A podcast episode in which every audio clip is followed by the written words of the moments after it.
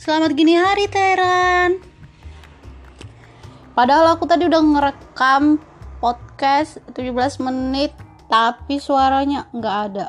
Pas udah uh, finish aku dengar lagi suaraku nggak ada, nggak tahu ke mana hilang, nggak tahu, nggak tahu. Uh, ini ngulang lagi, tolong.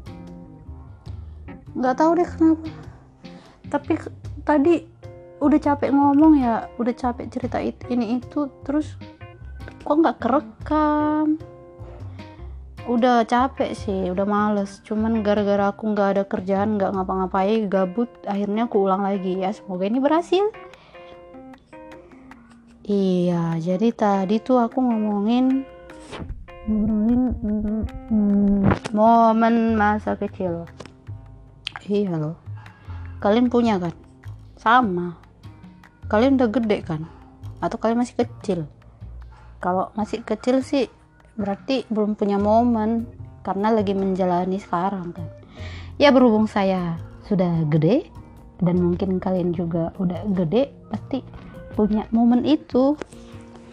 Jadi yuk ngobrolin tentang ten tentang momen-momen masa kecil di mana uh, eh, ada ada momen yang kalian nggak bisa lupain sampai sekarang? Atau ketika kalian ingat momen itu kalian merasa senang bahagia ketawa atau merasa lucu? Atau kalian mungkin merasa bersyukur pernah jadi anak kecil? Ya bersyukur lah ya. Artinya bersyukur karena hidup gitu. emang oh bukan bukan berarti bukan itu maksud aku tuh atau kalian mungkin bersyukur punya momen masa kecil. Punya momen yang begitu maksudnya. Jadi kayak wah aku bersyukur nih pas masa kecilku aku adalah seorang anak sultan udah dari kecil gitu. Atau aku bersyukur banget punya momen masa kecil yang uh, kuhabiskan dengan foya-foya gitu ya gitu maksudnya gitu contohnya.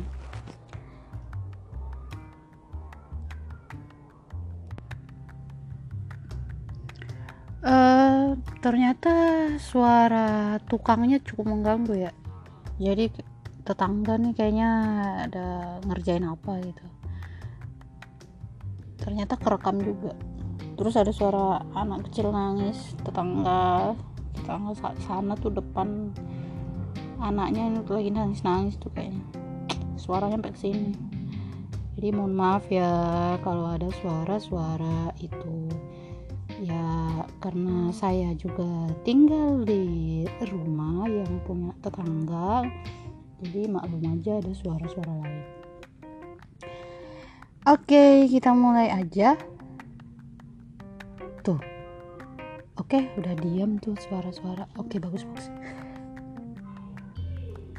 yuk mulai ngobrolin tentang momen masa kecil. Jadi aku punya momen masa kecil yang seru sih. Seru banget. Uh, kalau ini sekarang hmm, tar ini aja sekarang pas aku udah gede udah umur 25 kalau aku ingat momen itu ya aku bahagia aku bersyukur pernah jadi anak kecil dengan momen atau dengan cerita menjadi seorang anak kecil yang tinggal di kampung alias di pedesaan. Tepatnya aku tinggal di uh, Samosir. Udah tahu kan? Eh maksudnya udah tahu samo tahu Samosir kan iya loh itu loh yang indah banget itu. Iya itu. Jadi aku tinggal di salah satu desa di Samosir yang pastinya hmm, alamnya bagus indah banget dan bahkan rumah aku tuh tepat di kaki gunung sih. Jadi pemandangannya pagi-pagi halaman luas tuh depannya gunung. Gunung gunung gunung gunung. Gitu. Jadi momennya tuh ya kurang lebih anak kecil yang hidup di desa tuh sehari-harinya eh, masa kecilnya pasti dihabiskan di bukit uh, atau mungkin ini aku ya. Mungkin anak anak kecil yang punya momen eh momen anak kecil yang tinggal di desa lain mungkin beda lagi. Ya beda pasti beda sih. Siapa tahu desanya desanya nggak ada gunung ya kan nggak ada bukit. Oke. okay. Jadi nih momennya aku sebagai anak kecil yang tinggal di desa aku habiskan banyak habiskan waktu di bermain di rumah. Iyalah di rumah. Ya maksudnya di sawah sungai bukit. Ya danau jarang sih. Pas kecil dulu jarang ke danau ke danau toba tuh jarang. Karena ya belum seliar itu pas kecilnya. Mainnya masih di sungai aja dulu sungai gitu. Jadi tuh dulu uh, pas aku kecil ya beruntung banget punya tetangga juga rame tetangga juga banyak yang seumuran kayak aku masih kecil-kecil jadi teman mainnya banyak teman mainnya banyak banget asli banyak. Uh, terus teman mainnya juga kan nggak cuma cewek ya ada cowok-cowoknya juga. Namanya juga masih kecil dulu kan nggak ada nggak ada cinta-cintaan. Ya itu juga aku bersyukur. Pas masa kecil belum kenal yang namanya um, malu gitu cinta-cintaan belum ya. Nggak ada tuh nggak ada yang ada tuh main main main main. Hari ini main ke mana lagi? Hari ini ke sungai yang mana? Hari ini mau ke bukit yang mana lagi? Gitu. Seru. Jadi dulu yang aku ingat uh, di samping rumahku tuh ada sungai. Nggak tepat di samping sih. Jadi kayak di 200 meter lah. Ada sungai. Kalau misalnya musim hujan itu airnya deras.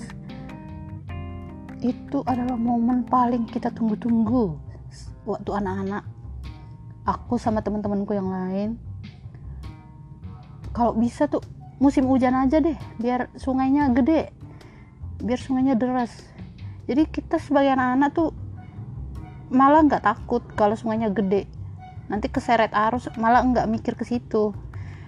Kita mikirnya kalau sungainya deras kita bisa renang bisa bisa main air bisa seluncuran di air itu. Nah gitu kan polos banget kan anak-anak. Ya emang gitulah ya anak-anak. Nggak mungkin lah mikirin ban entar banjir gitu. Kan nggak mungkin. Atau uh, kalau misalnya apa? Apa sih itu iya banjir lah ya. Iya banjir. Itu pasti pikiran orang dewasa kan. Kalau air gede nanti banjir. Nanti rumah ke bawah air hancur gitu kan. Kalau anak-anak mah wah seru nih main gitu. Jadi dulu kalau sungainya gede pulang sekolah aja tuh bakal singgah dulu ke sungai. Pulang sekolah nggak langsung ke rumah kan? Gitu terus renang mandi lompat. Jadi itu sih yang paling seru sih. Seru banget. Uh, lompat dari batu ke sungai itu kan jadinya dalam tuh gara-gara airnya deras. Melompat-lompat sama sama kawan-kawan tuh rame-rame pulang sekolah. Itu seragam. Astaga siapa sih yang bersin itu? Astaga jadi itu seragam dibuka terus mandi dah. Kan nggak malu dulu. Rame soalnya sama cowok-cowok juga nggak apa-apa masih kecil. Sampai berjam-jam kadang tuh sampai menggigil di situ. Nah biasanya mamaku tuh marah sih. Iya udah pasti. Kena libas kalian pas masa kecil pernah kena libas nggak? Ya kalau anak sultan nggak mungkin pernah. Kena bentak aja nggak mungkin kan dimanja kan. Aduh nangis ada anak kecil nangis. Ya lanjut ya. Jadi gitu. Hmm, kalau pulang sekolah tuh sampai berjam-jam di sungai kadang sampai mamaku datang udah bawa bawa kayu siap-siap mau ngelibas ngelibas betis kakiku. Selalu sih itu bakal kena. Jadi hafal banget deh. Dulu tuh di rumah yang paling sering kena libas di antara aku kakakku adik-adikku itu pasti aku.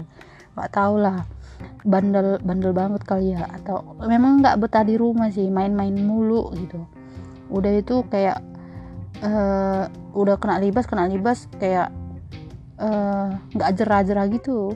Besok besoknya tetap aja nggak ya paling satu hari ya agak baik lah gitu. Enggak enggak bandel. Terus besoknya lagi udah berubah berulah lagi.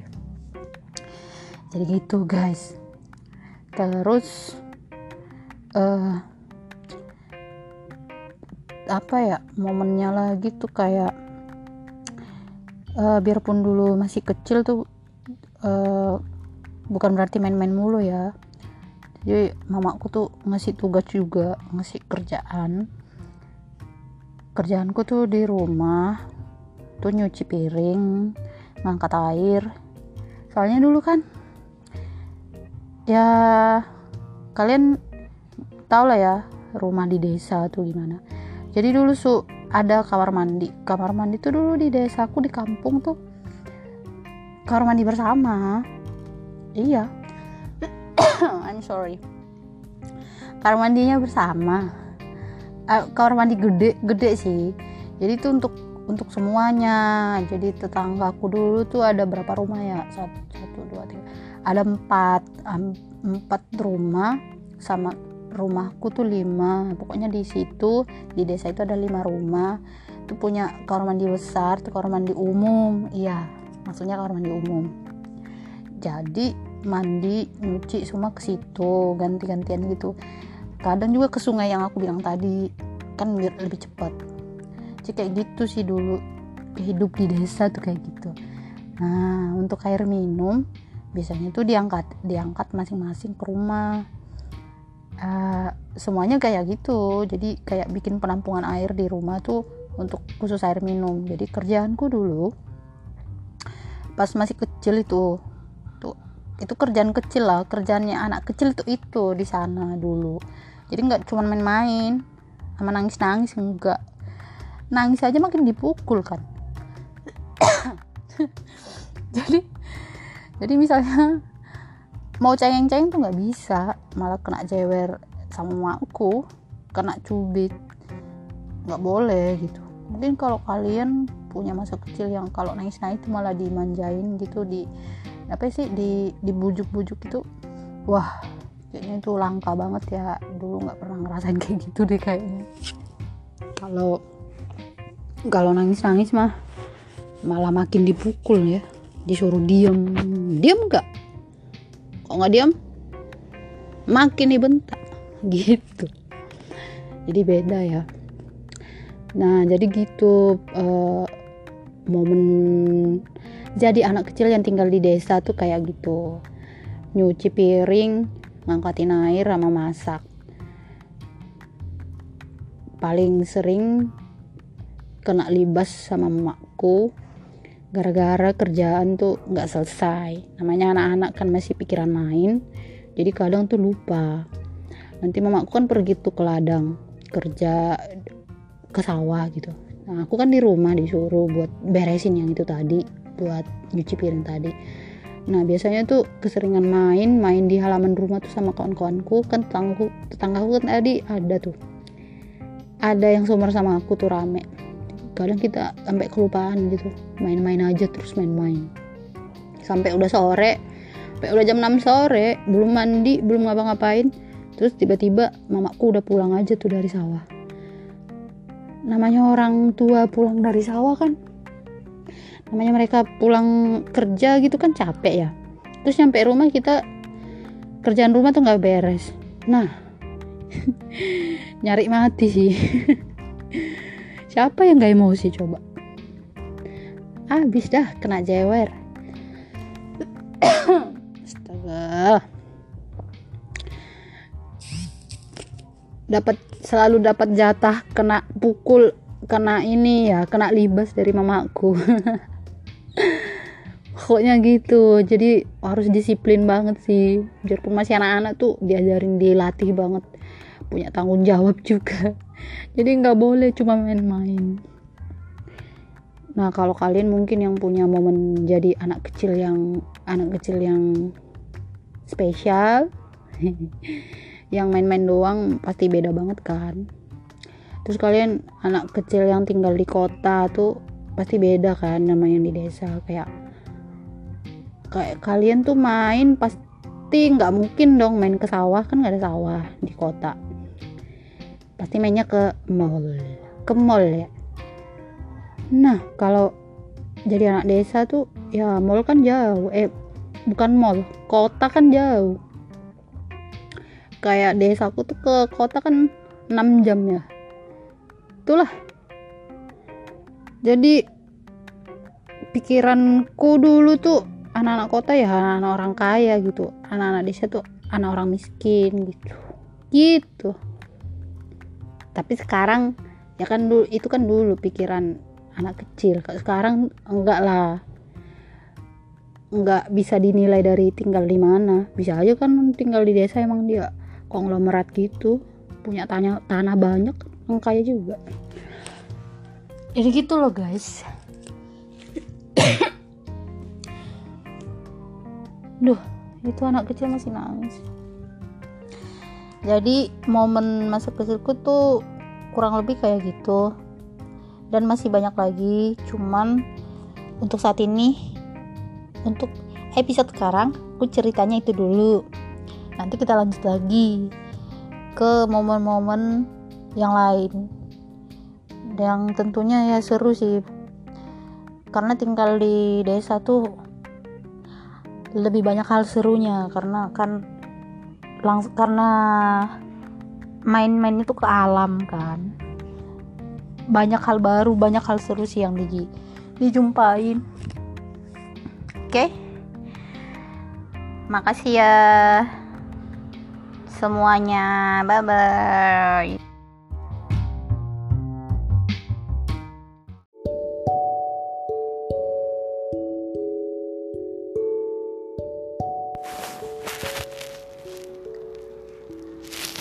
Halo, Hai semua,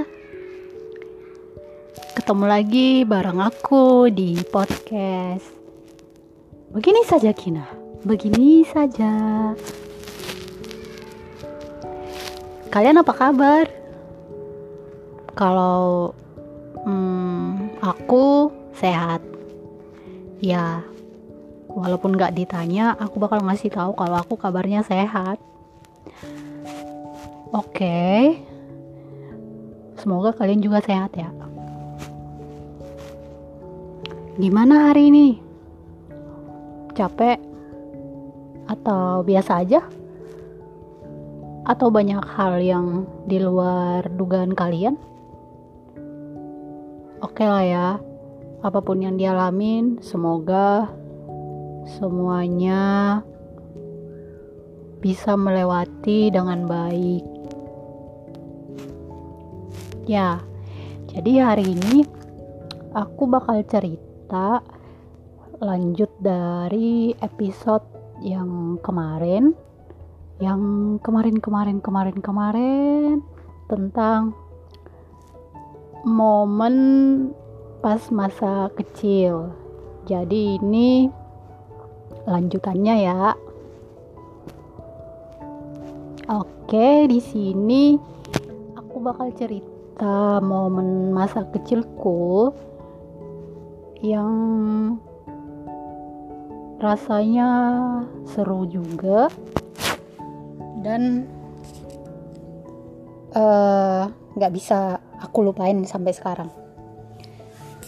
Lanjut dari yang kemarin jadi pas dulu masa kecilku tuh ada pernah mengalami yang namanya apa ya hmm, sesuatu yang pengalaman yang sebenarnya tuh kayak uh, apa ya, berbahaya sih berbahaya ya. Pengalaman yang cukup bikin kaget di masa itu. Apa itu? Nah aku bakal cerita ya. Pertama aku pernah mengalami uh, jadi pas masa itu aku masih SD kelas berapa ya? Kelas 4 atau kelas 5 kayaknya. Jadi aku kan di rumah ditugasin sama ibu aku untuk ngerjain pekerjaan rumah kayak masak dan semua semuanya lalu saat itu aku sedang aku sedang mau masak air masak air. Jadi dulu kan ada tuh uh, alat buat masak air yang dari besi. Uh, apa ya namanya ya? Kok sekarang nggak ada lagi sih itu. Tapi itu pernah pernah hits juga dulu alat yang buat masak air yang dia cepat. Dia tuh bentuknya panjang gitu besi. Sebenarnya berbahaya sih kalau dipikir-pikir sekarang jadi dia kan besi tuh. Terus kita kita colokin ke listrik.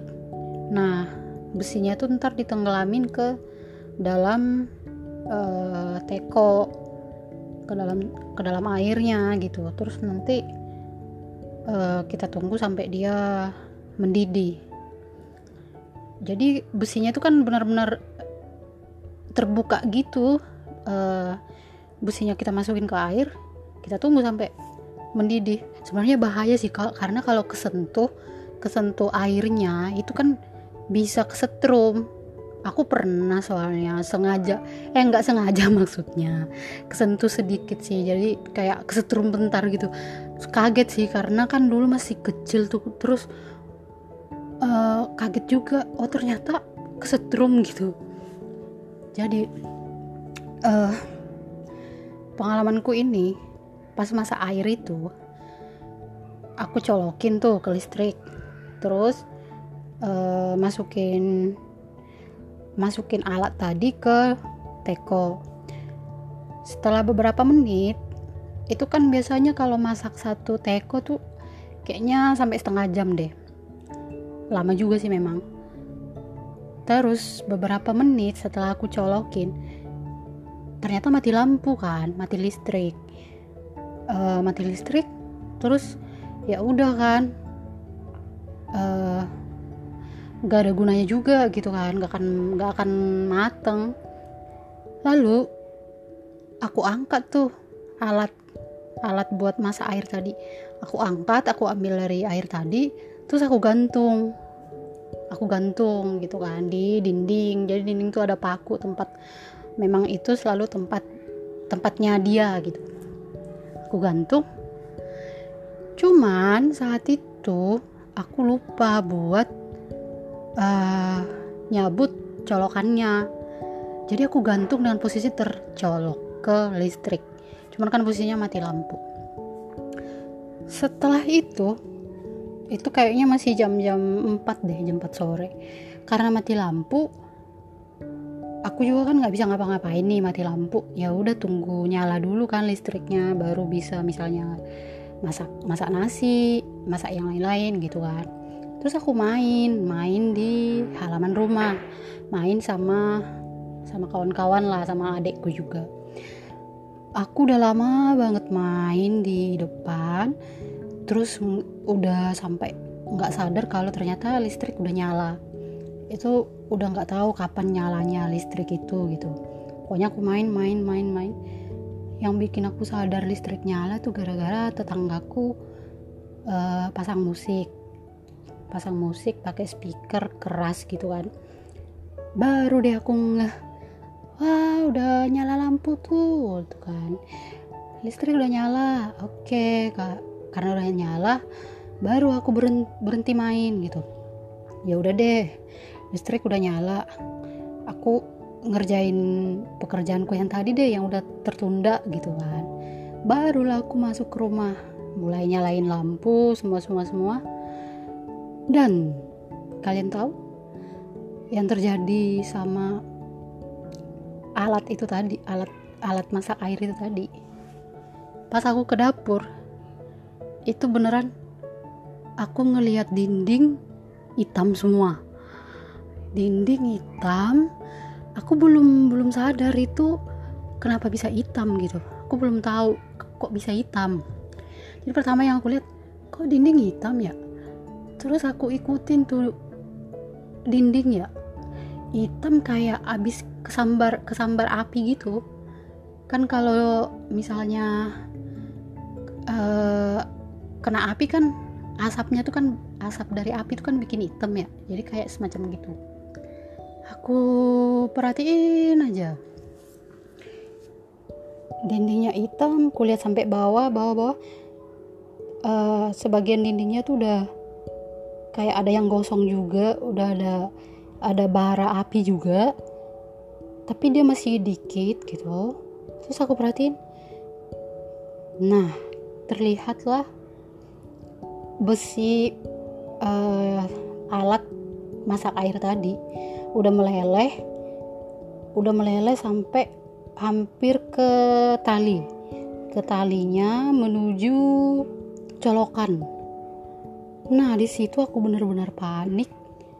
Tapi paniknya tuh nggak yang apa ya panik.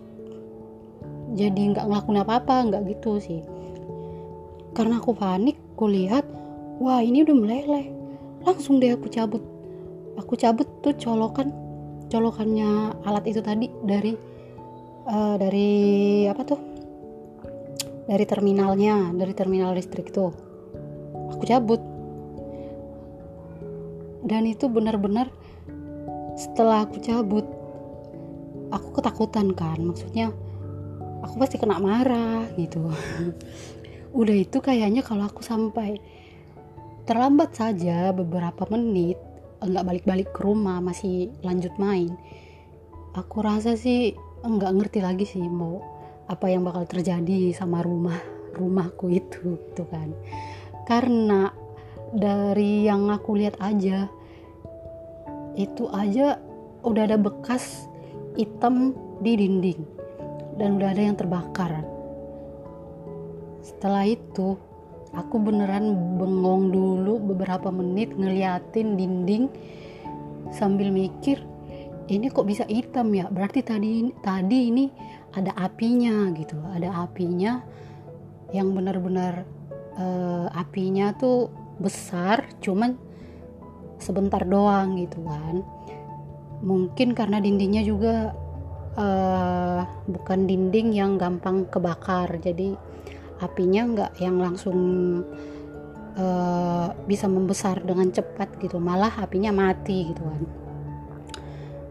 Di situ aku benar-benar gemetar ketakutan.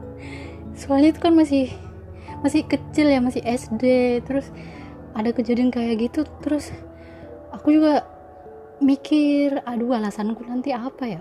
Aku pasti kena marah gitu ya udah kan terus mau nggak mau sih harus jujur sama orang tua kan. Karena kalau aku misalnya nggak jujur atau seandainya alat-alat yang masak air tadi aku buang bisa aja mungkin nggak ketahuan kan? Atau gimana gitu? Tapi kan dinding tapi tadi kan uh, ada meninggalkan uh, bukti di situ. Dinding gosong gitu kan jadi ya udah pasrah beneran pasrah sih. Ya udah terus pas sudah sore ibu aku pulang ayah aku pulang nanya gitu ini kenapa gini gini gini? Akhirnya aku jujur sih aku jujur ngasih tahu. Aku ngasih tahu benar-benar ngasih tahu kalau aku main tadi. Terus kelupaan nyabut nyabut itu colokannya. ya udah mungkin kebakar gitu kan. Ya uh, alhamdulillah orang tua aku nggak marah sih. Mungkin karena orang tua juga mungkin khawatir juga kan.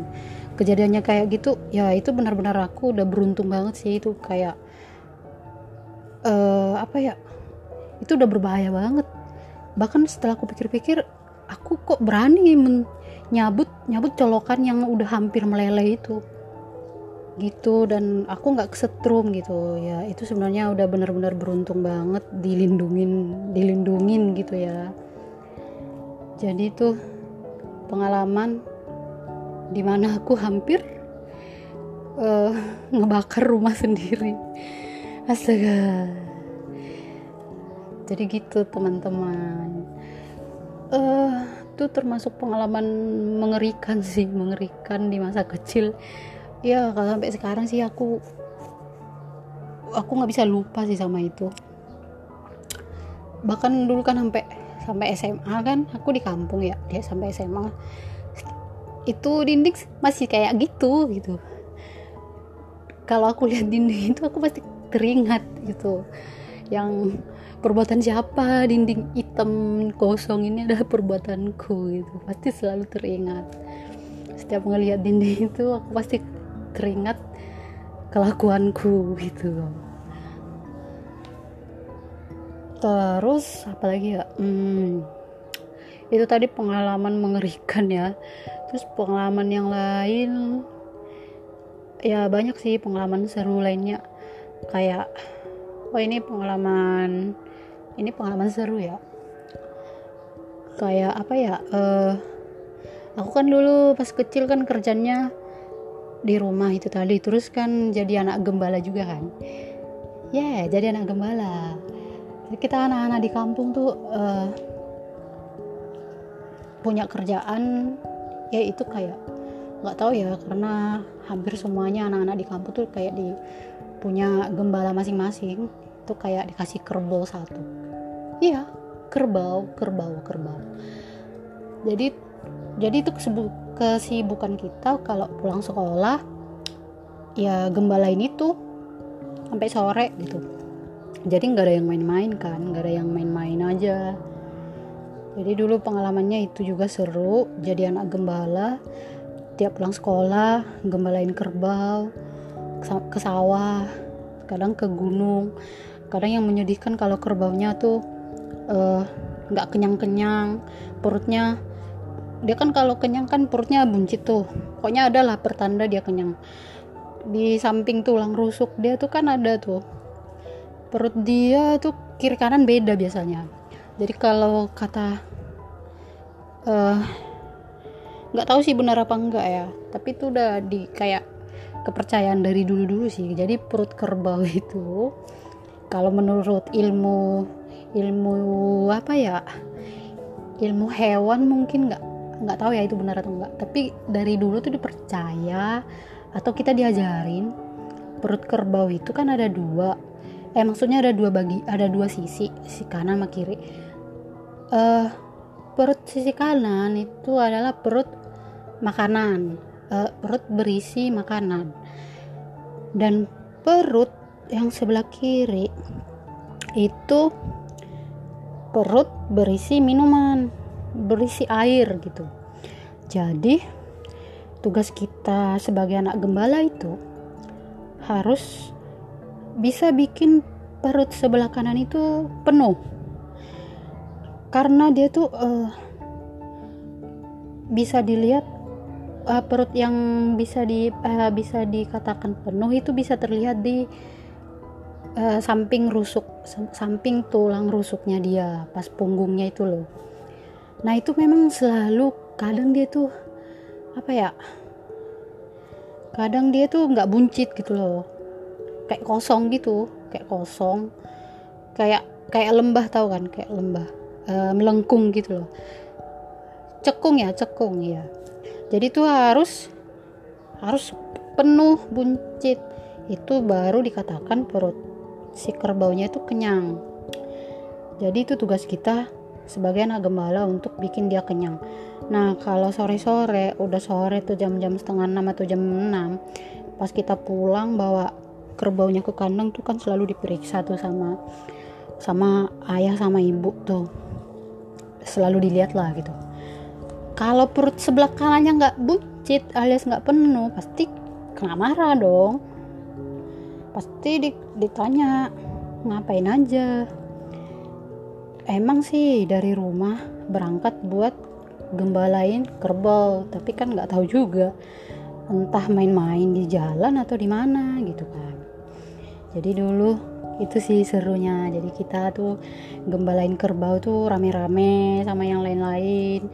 Terus nyari-nyari rumputnya. Kalau ada nanti uh, misalnya ada kawan yang tahu oh di sana tuh ada rumput banyak. Terus pada ke situ semua gitu. Seru terus nanti lomba-lombaan kerbau siapa yang paling kenyang yang paling uh, yang perutnya lebih buncit dibanding yang lain gitu. Seru terus pulangnya tuh kita pulang pas gembalain kerbau tuh uh, kita semua pada berhenti di sungai buat mandiin kerbaunya. Jadi kerbaunya tuh selalu dimandiin. Yes biar kerbaunya sehat. Jadi kalau sehat dia bisa gemuk bisa cepat besar bisa dijual dengan harga yang tinggi. Jadi tuh benar-benar diurus ya biar kerbaunya juga sehat gitu kan. Karena kalau misalnya dia nggak bersih nggak sehat dia bakal kurus gitu. Harganya juga kan berkurang nah jadi gitu. Nanti kita sore-sore semua pada mandiin kerbaunya di sungai. Nanti biasanya tuh kita udah ada ada alatnya alat buat mandiin si kerbau tuh pakai apa sih pakai tuh kayak, kayak pakai gayung gitu loh. Ada gayungnya tuh ntar disimpan di dekat-dekat sungai emang udah selalu di situ gitu. Biasa kebiasaan nyimpan di situ. Sama dimandiin nanti digosok badan badan kerbaunya harus digosok. Kadang bawa brus sikat sikat-sikat bekas yang dari rumah. Itu harus disikat badan kerbaunya biar enggak biar enggak kutuan. Biar biar bersih. Kan dia kadang berlumpur kan. Nah itu harus dibersihin semua. Terus biar dia nggak kutuan juga. Kan kasihan dia gatal-gatal gitu. Gitu. Nanti kalau nggak dibersihin nggak dimandiin nyampe rumah juga kan pasti ditanyain sama orang tua. Jorok banget sih kok nggak dimandiin? Gitu. Kan seru kan? Jadi jadi, kalau jadi anak desa tuh kayak gitu-gitu deh pengalamannya. Seru sih. Biarpun ya bikin capek juga. Cuman kalau dipikir-pikir sekarang tuh itu benar-benar momen mahal ya karena aku lihat-lihat aja sekarang anak-anak di desa aku sekarang bahkan gak ada lagi yang begitu yang ngalamin kayak yang aku alami dulu. Jadi anak gembala jadi ini apa ke sawah rame-rame gitu. Nggak ada lagi. Jadi gitu teman-teman. Hmm oke. Okay. tadi aku udah ceritain pengalaman mengerikan dan juga pengalaman seru. Mungkin segini dulu ceritaku di podcast episode kali ini. Kita bakal ketemu di lain waktu lagi. Oke? Sehat-sehat ya semua. Bye bye bye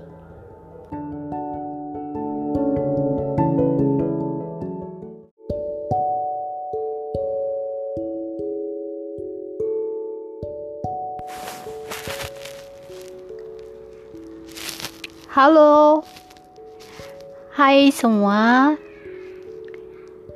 ketemu lagi bareng aku di podcast. Begini saja Kina, begini saja. Kalian apa kabar? Kalau hmm, aku sehat, ya walaupun gak ditanya, aku bakal ngasih tahu kalau aku kabarnya sehat. Oke, okay. semoga kalian juga sehat ya. Gimana hari ini? Capek? Atau biasa aja? Atau banyak hal yang di luar dugaan kalian? Oke lah ya, apa pun yang dialamin, semoga semuanya bisa melewati dengan baik. Ya, jadi hari ini aku bakal cerita lanjut dari episode yang kemarin yang kemarin kemarin kemarin kemarin tentang momen pas masa kecil. Jadi ini lanjutannya ya. Oke, di sini aku bakal cerita momen masa kecilku yang rasanya seru juga dan eh, nggak uh, bisa aku lupain sampai sekarang. Lanjut dari yang kemarin, jadi pas dulu masa kecilku tuh ada pernah mengalami yang namanya apa ya hmm, sesuatu yang pengalaman yang sebenarnya tuh kayak uh, apa ya, berbahaya sih berbahaya ya. Pengalaman yang cukup bikin kaget di masa itu. Apa itu? Nah aku bakal cerita ya. Pertama aku pernah mengalami uh, jadi pas masa itu aku masih SD kelas berapa ya? Kelas 4 atau kelas 5 kayaknya. Jadi aku kan di rumah ditugasin sama ibu aku untuk ngerjain pekerjaan rumah kayak masak dan semua semuanya lalu saat itu aku sedang aku sedang mau masak air masak air. Jadi dulu kan ada tuh uh, alat buat masak air yang dari besi. Uh, apa ya namanya ya? Kok sekarang nggak ada lagi sih itu. Tapi itu pernah pernah hits juga dulu alat yang buat masak air yang dia cepat. Dia tuh bentuknya panjang gitu. Besi sebenarnya berbahaya sih kalau dipikir-pikir sekarang jadi tuh, dia kan besi tuh. Terus kita kita colokin ke listrik. Nah besinya tuh ntar ditenggelamin ke dalam uh, teko. Ke dalam ke dalam airnya gitu. Terus nanti uh, kita tunggu sampai dia mendidih. Jadi besinya tuh kan benar-benar terbuka gitu. Uh, besinya kita masukin ke air kita tunggu sampai mendidih. Sebenarnya bahaya sih karena kalau kesentuh kesentuh airnya itu kan bisa kesetrum. Aku pernah soalnya sengaja eh nggak sengaja maksudnya kesentuh sedikit sih. Jadi kayak kesetrum bentar gitu. Kaget sih karena kan dulu masih kecil tuh. Terus uh, kaget juga oh ternyata kesetrum gitu. Jadi uh, pengalamanku ini pas masa air itu aku colokin tuh ke listrik. Terus uh, masukin masukin alat tadi ke teko. Setelah beberapa menit itu kan biasanya kalau masak satu teko tuh kayaknya sampai setengah jam deh. Lama juga sih memang. Terus beberapa menit setelah aku colokin ternyata mati lampu kan mati listrik uh, mati listrik terus ya udah kan uh, ada gunanya juga gitu kan gak akan gak akan mateng. Lalu aku angkat tuh alat alat buat masak air tadi. Aku angkat aku ambil dari air tadi terus aku gantung. Aku gantung gitu kan di dinding. Jadi dinding tuh ada paku tempat memang itu selalu tempat tempatnya dia gitu aku gantung. Cuman saat itu aku lupa buat uh, nyabut colokannya. Jadi aku gantung dengan posisi tercolok ke listrik. Cuman kan posisinya mati lampu. Setelah itu itu kayaknya masih jam-jam 4 deh jam 4 sore. Karena mati lampu aku juga kan nggak bisa ngapa-ngapain nih mati lampu. Ya udah tunggu nyala dulu kan listriknya baru bisa misalnya masak masak nasi masak yang lain-lain gitu kan. Terus aku main main di halaman rumah. Main sama sama kawan-kawan lah sama adekku juga. Aku udah lama banget main di depan terus udah sampai nggak sadar kalau ternyata listrik udah nyala. Itu udah nggak tahu kapan nyalanya listrik itu gitu. Pokoknya aku main main main main. Yang bikin aku sadar listrik nyala tuh gara-gara tetanggaku uh, pasang musik. Pasang musik pakai speaker keras gitu kan. Baru deh aku ngeh wah udah nyala lampu tuh tuh kan. Listrik udah nyala. Oke kak. Karena udah nyala baru aku berhenti main gitu. Ya udah deh listrik udah nyala.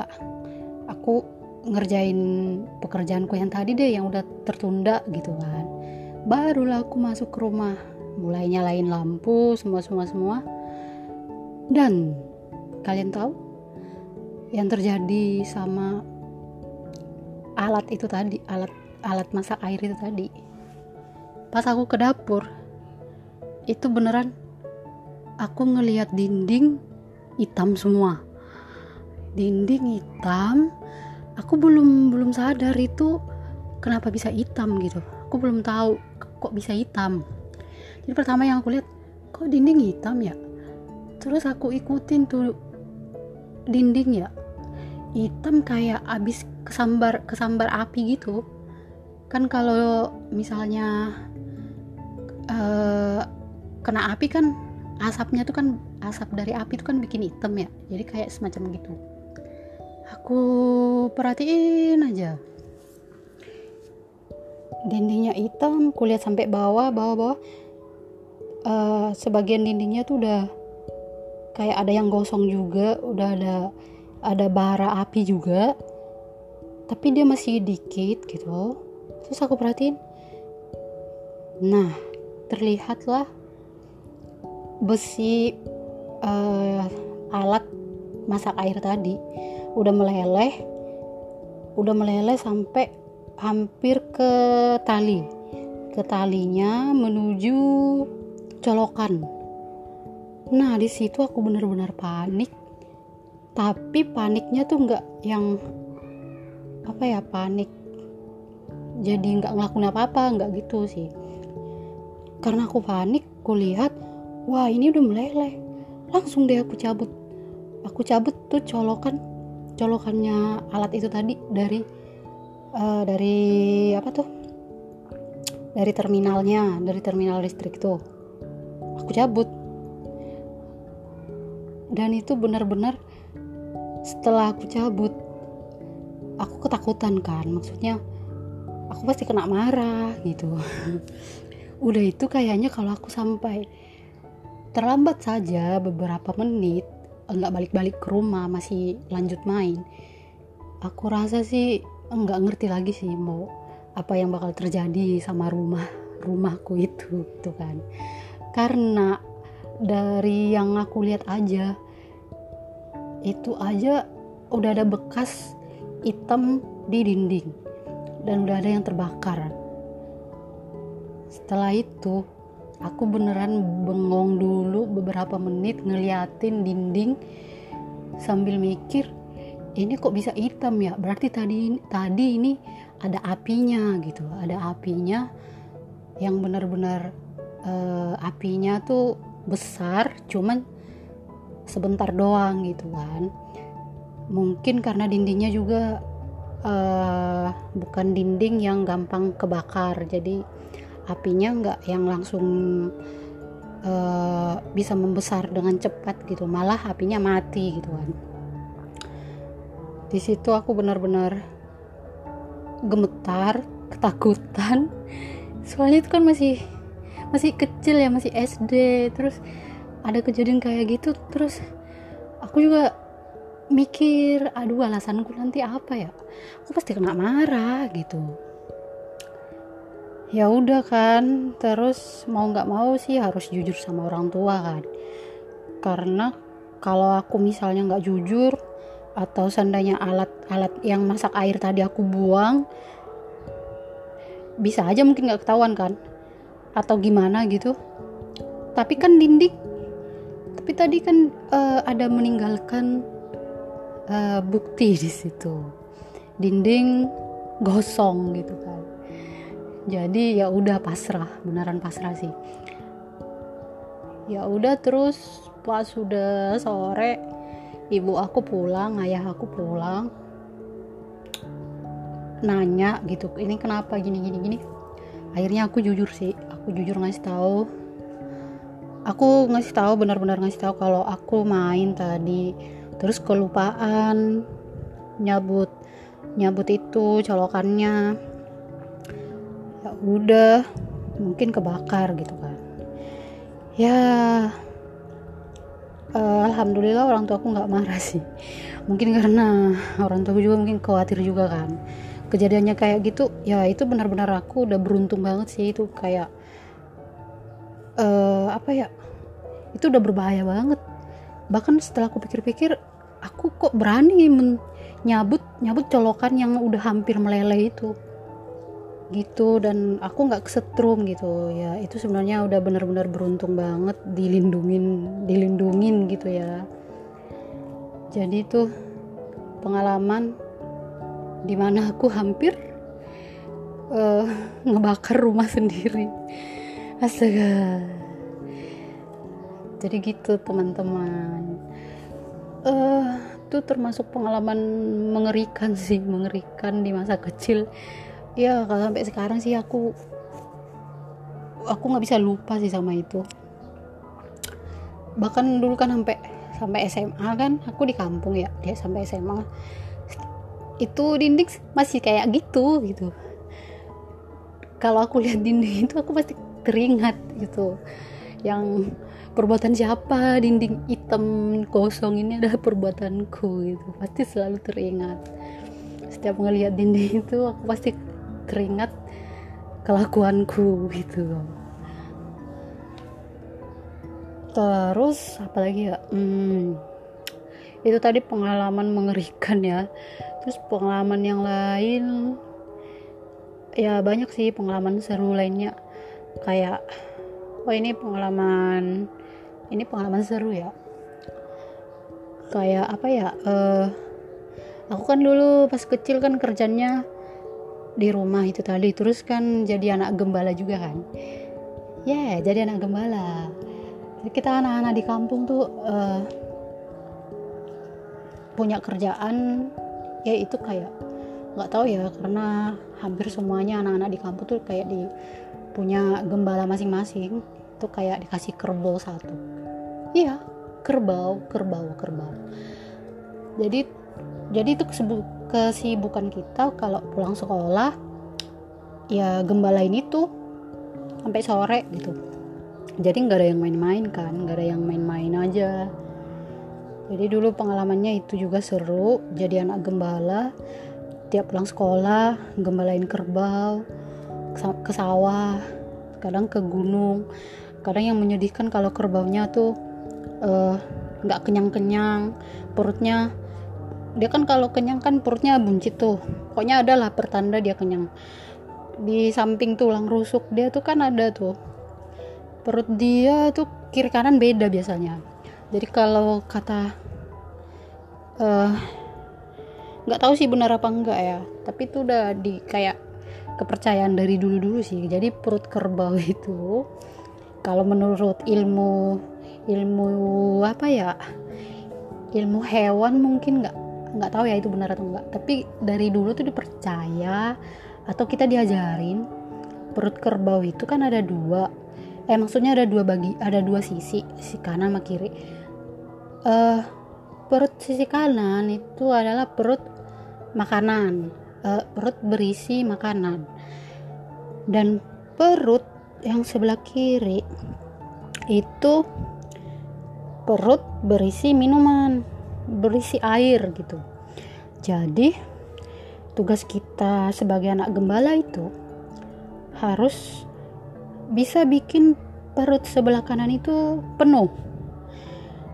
Karena dia tuh uh, bisa dilihat uh, perut yang bisa di uh, bisa dikatakan penuh itu bisa terlihat di uh, samping rusuk samping tulang rusuknya dia pas punggungnya itu loh nah itu memang selalu kadang dia tuh apa ya kadang dia tuh nggak buncit gitu loh. Kayak kosong gitu kayak kosong. Kayak kayak lembah tahu kan kayak lembah uh, melengkung gitu loh. Cekung ya cekung ya jadi tuh harus harus penuh buncit. Itu baru dikatakan perut si kerbaunya itu kenyang. Jadi itu tugas kita sebagai anak gembala untuk bikin dia kenyang. Nah kalau sore-sore udah sore tuh jam-jam setengah enam atau jam enam pas kita pulang bawa kerbaunya ke kandang tuh kan selalu diperiksa tuh sama sama ayah sama ibu tuh. Selalu dilihat lah gitu. Kalau perut sebelah kanannya nggak buncit alias nggak penuh pasti kena marah dong. Pasti ditanya ngapain aja emang sih dari rumah berangkat buat gembalain kerbau tapi kan nggak tahu juga entah main-main di jalan atau di mana gitu kan. Jadi dulu itu sih serunya. Jadi kita tuh gembalain kerbau tuh rame-rame sama yang lain-lain. Terus nyari-nyari rumputnya. Kalau ada nanti uh, misalnya ada kawan yang tahu oh di sana tuh ada rumput banyak. Terus pada ke situ semua gitu. Seru terus nanti lomba-lombaan kerbau siapa yang paling kenyang yang paling uh, yang perutnya lebih buncit dibanding yang lain gitu. Seru terus pulangnya tuh kita pulang pas gembalain kerbau tuh uh, kita semua pada berhenti di sungai buat mandiin kerbaunya. Jadi kerbaunya tuh selalu dimandiin. Yes biar kerbaunya sehat. Jadi kalau sehat dia bisa gemuk bisa cepat besar bisa dijual dengan harga yang tinggi. Jadi tuh benar-benar diurus ya biar kerbaunya juga sehat gitu kan. Karena kalau misalnya dia nggak bersih nggak sehat dia bakal kurus gitu. Harganya juga kan berkurang. Nah jadi gitu. Nanti kita sore-sore semua pada mandiin kerbaunya di sungai. Nanti biasanya tuh kita udah ada ada alatnya alat buat mandiin si kerbau tuh pakai apa sih pakai tuh kayak, kayak pakai gayung gitu loh. Ada gayungnya tuh ntar disimpan di dekat-dekat sungai emang udah selalu di situ gitu. Biasa kebiasaan nyimpan di situ sama dimandiin nanti digosok badan badan kerbaunya harus digosok. Kadang bawa brus sikat sikat sikat bekas yang dari rumah. Itu harus disikat badan kerbaunya biar enggak biar enggak kutuan. Biar biar bersih kan dia kadang berlumpur kan. Nah itu harus dibersihin semua terus biar dia nggak kutuan juga. Kan kasihan dia gatal-gatal gitu. Gitu. Nanti kalau nggak dibersihin nggak dimandiin nyampe rumah juga kan pasti ditanyain sama orang tua jorok banget sih kok nggak dimandiin gitu. Kan seru kan? Jadi jadi, jadi kalau jadi anak desa tuh kayak gitu-gitu deh pengalamannya. Seru sih. Biarpun ya bikin capek juga cuman kalau dipikir-pikir sekarang tuh itu benar-benar momen mahal ya. Karena aku lihat-lihat aja sekarang anak-anak di desa aku sekarang bahkan gak ada lagi yang begitu. Yang ngalamin kayak yang aku alami dulu jadi anak gembala jadi ini apa ke sawah rame-rame gitu gak ada lagi. Jadi gitu teman-teman. Hmm oke okay. tadi aku udah ceritain pengalaman mengerikan dan juga pengalaman seru. Mungkin segini dulu ceritaku di podcast episode kali ini. Kita bakal ketemu di lain waktu lagi. Oke? Sehat-sehat ya semua. Bye bye Bye.